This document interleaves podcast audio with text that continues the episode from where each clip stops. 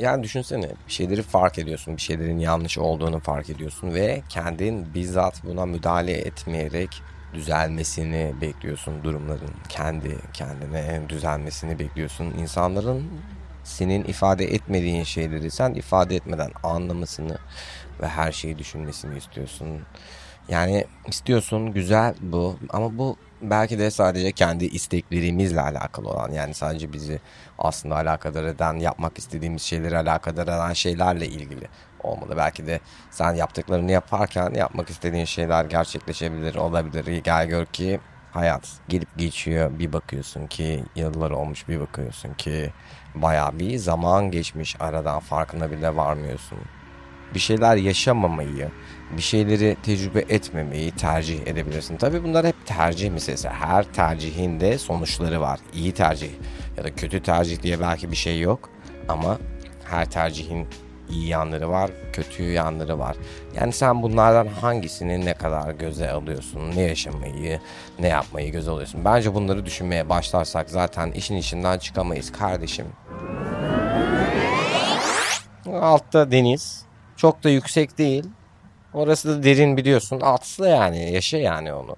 Değil mi? Orada korkarsan çünkü ve orada o suya atlamazsan hani hepimiz bu analoji şuradan hani hepimiz bir kayadan denize atlamışızdır ya bazen de korkmuşuzdur belki. Ama zaten denizin kenarında olduğunu varsayarsak zaten o suyun içine giriyorsun. Sadece giriş şekline sen karar verebilirsin. Kendini kumsaldan götürüp okyanusun sularına bırakmak var.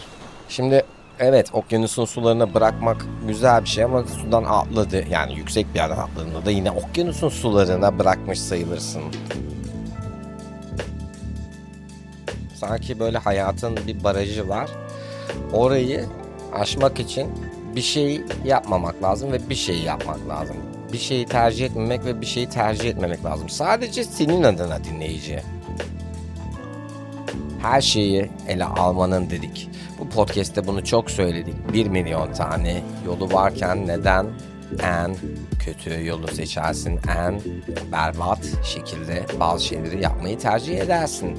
Yani niye edersin? İçinden öyle geliyordur. Yani tamam içinden öyle geldiği gibi o zaman herkes davransa insanlar birbirine tecavüz etmeye başlayıp kaosun içine düşerdik. Herkes de içinden geldiği gibi davranamayabiliyor senin söylediğin mi doğru, benim söylediğim mi doğru? Ne fark eder ki?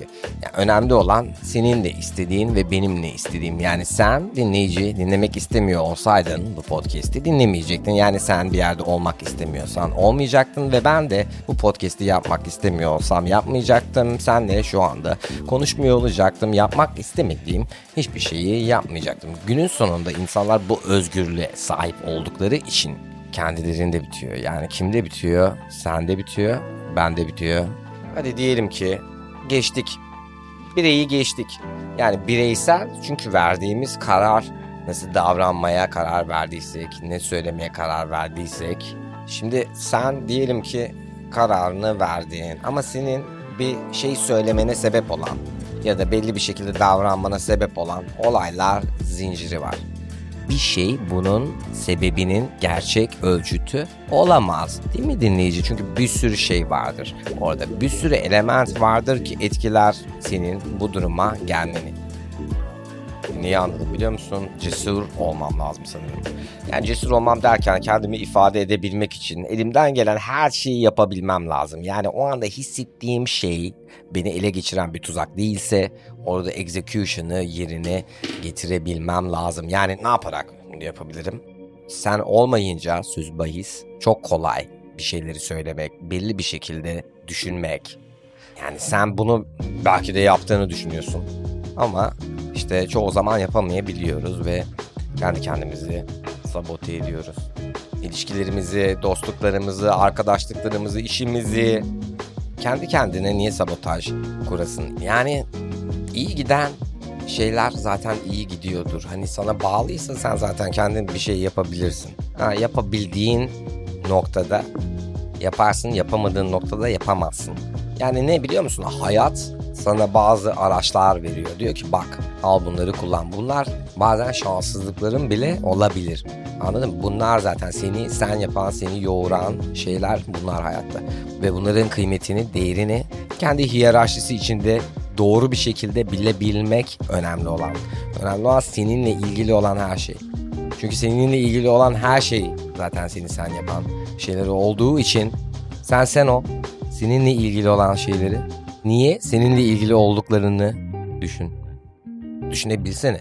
Kendin olabildiğini, kendine güvenebildiğini, sosyal anksiyeten olmadığını, kendinden ve ne yaptığından emin olduğunu. Bir, gerektiği şekilde iletişim kurabilmek yani duygularına çok da kapılmamak yeri geldiğinde de belki de kapılmak mı kendin yapabildiğin müdahaleni yaparsın. Yapabildiğin müdahalen de eğer yetersizse bu da yine seninle alakalı. Çünkü öyle bir müdahale yapılabilirse eğer yapılabilir. Yani nerede agresifleşmen gerekiyorsa orada agresifleşmek lazım aslında değil mi? Agresifleşmemek diye de bir şey yok çünkü bu hayatta. O zaman doğru yerde agresifleşelim ki doğru iletişimi kurabilelim. İlla agresiflik vay senin aldım kafana bunu koydum bir tane değil. Kendini bir şeylere mecbur hissetmek, kendini çıkmazda hissetmek falan bunlar gerçekten kötü. Çünkü günün sonunda hepsi, hepsi senin kararların. Kadın gidiyor, kaçıyor İran'dan, gidiyor yurt dışında yaşıyor hayatı boyunca. Adam kaçıyor. İran'dan kadın kaçıyor. Yani adam kadın ikisi birden kaçıyor yani. Niye kaçıyor? He, adama uymuyor, kadına uymuyor bu yaşam tarzı.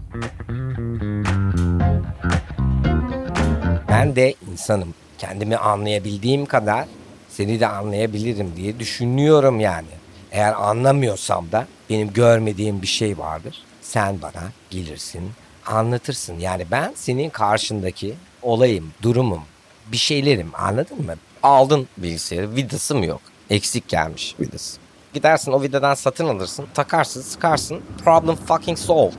Ama ne yapıyorsun? Wow, amına kodumun bilgisayarı diye alıp bilgisayarı paramparça ediyorsun. Düşünsene bu agresif mesela bir tepki olurdu. Hadi diyelim iade etmeye karar verdin. Ne yaparsın? Bütün belgelerini koyarsın. Değil mi? Aldığın şekilde paketine geri koyarsın. Çağırırsın kargo firmasını yollarsın. Bum. Diyelim ki iade etmeye karar vermedin. Hala oradaki vidayı sıkıntılı. Yani bunu çözmen gerek. E ne yapıyorsun? Peki takıyor musun o vidayı? Yani problem çözebilirsin.